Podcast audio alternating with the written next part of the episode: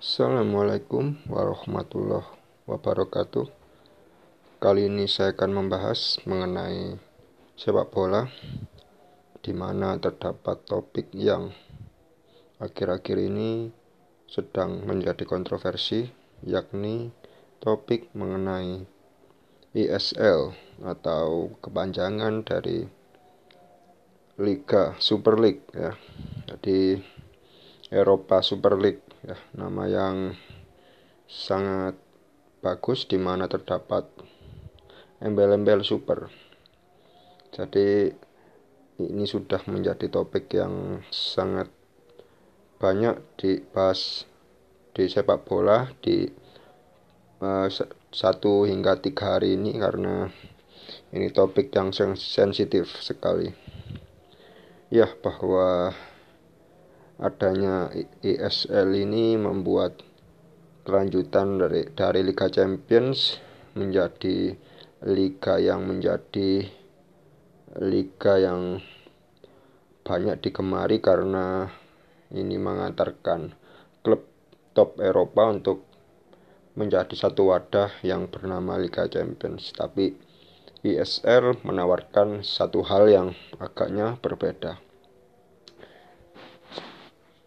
tentunya kita harus membicarakan, membicarakan ini dengan sejarah sedikit sejarah mengenai ESL jadi ESL ini sebenarnya digagas cukup lama e, mungkin 10 tahun lalu atau lima tahun lalu. Tapi baru pada akhir-akhir ini ESL ini dimulai digaungkan ya. Jadi uh, yang menggagas adalah Presiden Real Madrid saat ini yakni Florentino Perez dengan wakilnya adalah Presiden Presiden Juventus yakni Andrea Agnelli. Di sini Perez memiliki argumen kenapa kenapa ISL harus ada ya. Karena menurut dari Florentino Perez bahwa ISL ini adalah liga yang mampu mengentaskan atau membangkitkan ekonomi dari sepak bola itu sendiri karena menurut Perez bahwa keuangan selama pandemi ini sulit ya di mana banyak klub-klub top Eropa ini eh, kondisi berhutang dan jadi ag agaknya sulit untuk membayar gaji pemain. Nah, di sini Perez memiliki terobosan untuk bagaimana caranya ekonomi berjalan dan sepak bola juga tetap berjalan. Di sini Perez mengatakan ISL adalah salah adalah salah satu opsi yang bagus. Nah, jadi dia mengatakan dia mengajak klub-klub top Eropa untuk ikut berpartisipasi dalam liga ini tapi memang ada penolakan yang keras terutama dari uh, Liga Jerman dan uh, Liga Prancis ya di mana Munchen, Dortmund sebagai perwakilan Liga Jerman menolak diikuti oleh PSG sebagai perwakilan Liga Prancis menolak juga. Tapi pada dasarnya di sini Perez sebagai penggagas ESL ini mengatakan bahwa liga ini itu bertujuan untuk e, menstabilkan ekonomi ya karena ESL menurut Perez bahwa ini akan mampu menggait banyak investor atau ya dalam artian akan menambah saham juga bisa atau dalam artian nanti e, pendapatannya naik. Karena ternyata sebenarnya ada mungkin ya gosip atau rumor ya. Saya katakan rumor di mana eh, setiap tim yang berlaga di Liga Champions ternyata pendapatannya ini tidak bersih diambil oleh sang tim itu. Akan tetapi ini eh, pendapatannya juga ternyata dibagi ke dibagi agak merata ya di mana ke FIFA juga sebagai induk sepak bola UEFA juga sebagai pelaksana Liga Champions dan sang tim itu sendiri dan juga di bawahnya lagi op operasional timnya. Nah seperti gaji dan sebagainya. Nah ini kan di mana itu menurut uh, dari penggagas ESL ini uang itu tidak cukup ya. Karena karena pada pandemi ini uh, kebutuhan kebutuhan mereka kurang ya karena menurut Peres bahwa uh, kita butuh uh, penambahan ekonomi yang lebih daripada Liga Champions. Nah, di sini tentu ESL kalau dari kacamata saya masih bisa dipahami uh, untuk untuk pembentukannya. Walau sebenarnya masih banyak juga penolakan di sana dan di sini. Tapi ya itu adalah kita beda kepala dan ada banyak pendapat. Tapi saya memang sulit di itu ya. Maksud saya kalau bagi saya memang kenapa sih kita harus ikut suatu yang nak liga ini yang bernama embel-embel super kalau kita bisa ikut Liga Champions nah kan? Sudah berbeda jauh ya. Kenapa kita harus ikut Liga Super yang isinya tim super? Kalau kita bisa ke Liga Champions di mana kita bisa melawan tim kecil yang bisa bermain bertahan atau tim besar yang menyerang di mana di, tim, di Liga Champions pasti lebih kaya strategi. Ya jadi kenapa kita harus ikut ke Liga Super ya kan? Maksud saya ken kenapa mereka harus ikut liga baru di mana mereka sudah ke Liga Champions bertahun-tahun ya? Liga Champions itu sudah mungkin 60 tahun ada ya dari tahun 50-an itu, itu sudah ada dengan ya dulu Piala Winner ya bukan Piala Champions dulu. Dan sekarang Liga Champions ya tidak jauh berbeda. Tapi kenapa gitu kita harus pindah ke ESL yang mungkin meningkatkan ekonomi tapi ya kita kita mengha seperti menghapus sejarah kita sendiri ya. Jadi banyak pro kontra di sana sini. Tapi saya menghormati saya tidak menolak keras. Karena saya tahu ada tuntutan ekonomi di sepak bola yang kalau lambat laun memang ya sepak bola bisa terpengaruh karena menyangkut uang dan uang lagi. ESL bisa ESL bisa mendapatkan itu. Nah di sini memang respon dari banyak pihak. Ini cukup menarik dari pihak eh, penggagasnya Perez dan Agnelli. Eh, bersikuku bahwa liga ini bisa menyelamatkan sepak bola. Ada ada satu statement yang cukup itu ya cukup ambigu di mana penggagas penggagasnya bilang ini untuk fans. Nah kalau kalau bagi saya ya untuk fans tapi fansnya kan banyak menolak ini. Mayoritas banyak menolak ya. Walaupun ya belum ada voting ya. Mungkin saya bilang ini uh, apa? Ini cuma ya tapi kan mau bagaimana lagi ini kan?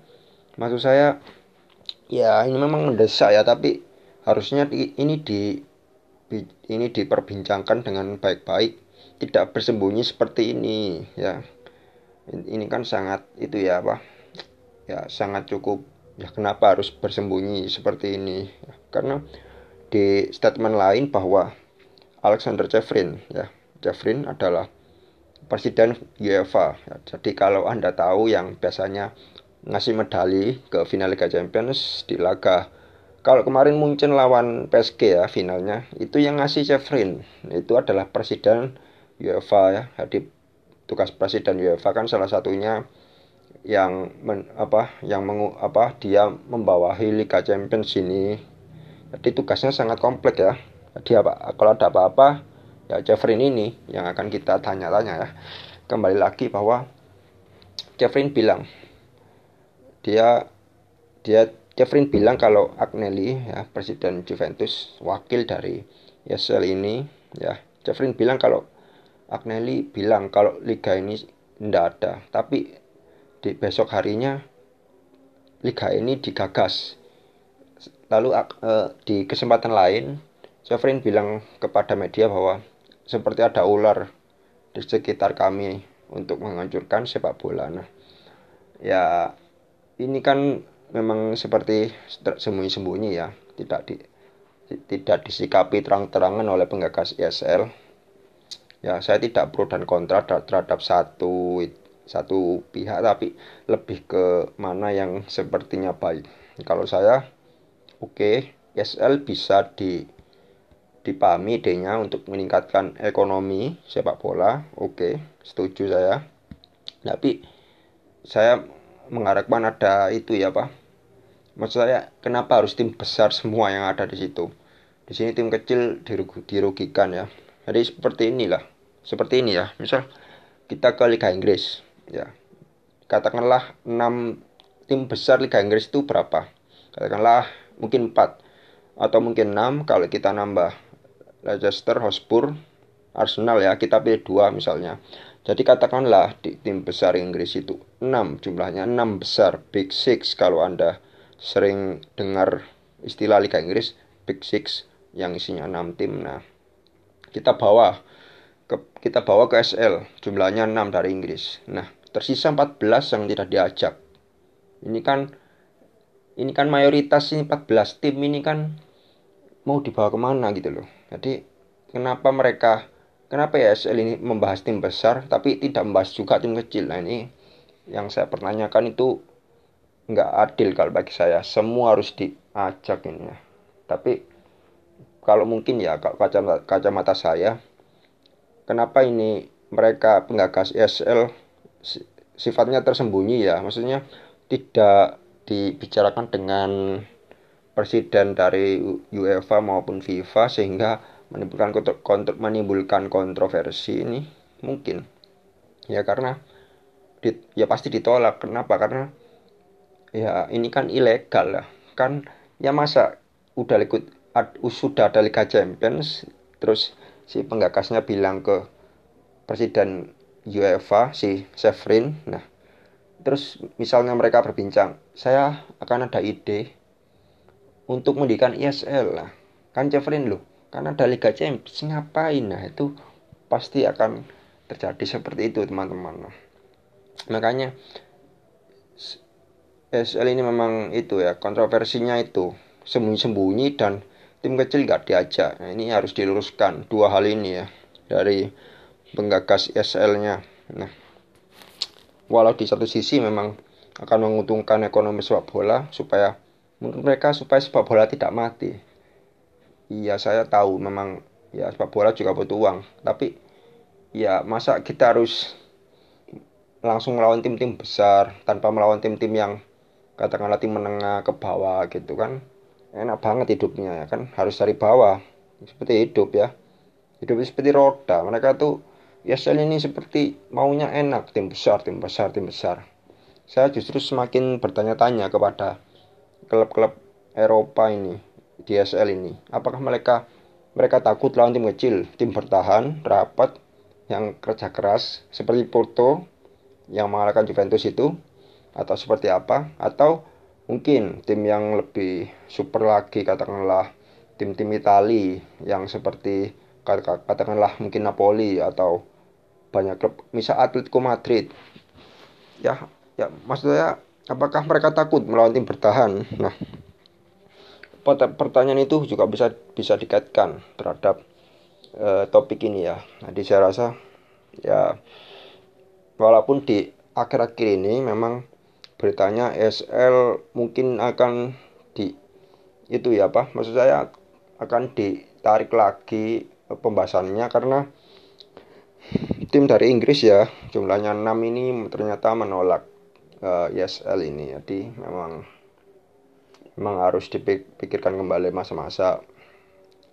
Jadi di penghujung pembicaraan ini saya sendiri berharap sepak bola menjadi lebih baik dengan adanya ESL atau tanpa adanya ESL semoga sepak bola tetap ada ya karena ini mewarnai kehidupan kita sebagai pecinta sepak bola. Kita nggak akan bisa hidup tanpa ini sepak bola karena kita terhibur, kita senang dari sini juga. Kita sama cari sama-sama cari makan dari sini juga ya. Dan saya berharap Liga Champions itu menjadi liga yang lebih kompetitif lagi di mana memiliki persaingan dengan beragam strategi dan pelatih dari beragam negara yang akan memunculkan banyak variasi strategi dan saya senang karena sejak adanya Liga apa ISL ini Liga Champions berbenah di mana dari presiden UEFA atau dari pihak UEFA sendiri bilang kalau ada kemungkinan di tahun-tahun ke depan uh, hadiah dari Liga Champions, final Liga Champions dan beberapa pertandingan minor akan di, ditambah ya mungkin 20 hingga 30 persen penambahannya memang tidak signifikan tapi ya ini akan bisa menambah kas negara kas kas klub-klub sepak bola top Eropa ini ya. Karena memang ya ini sangat dibutuhkan karena banyak utang juga. Walaupun sebenarnya saya masih mengkritisi gaji pemain yang banyak dan gaji pemain yang besar dan kontribusinya juga nggak sesuai ya. Nggak adil kalau bagi saya menurut saya gaji itu harus sesuai dengan kapasitas. Kalau memang dia kemampuannya katakanlah 30 juta ya maka 30 juta itu harus ditunjukkan di lapangan. Mungkin dengan melewati pemain mencetak gol dan sebagainya. Harus ditunjukkan ya jangan sampai harga tiga mungkin 70 juta ya. Ternyata sering shoot melambung bolanya terbut posisi salah. Nah itu kan tidak sesuai. Ya saya kasihan dengan beberapa pemain yang kasihnya kecil katakanlah 5 juta. Di sini besar tapi di sana kecil Eropa. Katakanlah 5 juta tapi dia sangat bagus permainannya. Misalnya umpan bagus, lalu dia punya crossing bagus dan juga mampu menerjemahkan instruksi pelatih di lapangan, tapi gajinya kecil. Nah ini kan tidak sinkron. Nah ini seharusnya memang struktur gaji memang harus dibahas lagi yang supaya lebih adil lah ya. ya. Ini demikian dari saya. Semoga bermanfaat. Sampai jumpa di perbincangan sel selanjutnya dengan saya Ahmad Ardiansyah pakar sepak bola dan kiper sepak bola. Terima kasih. Wassalamualaikum warahmatullahi wabarakatuh. Salam sepak bola.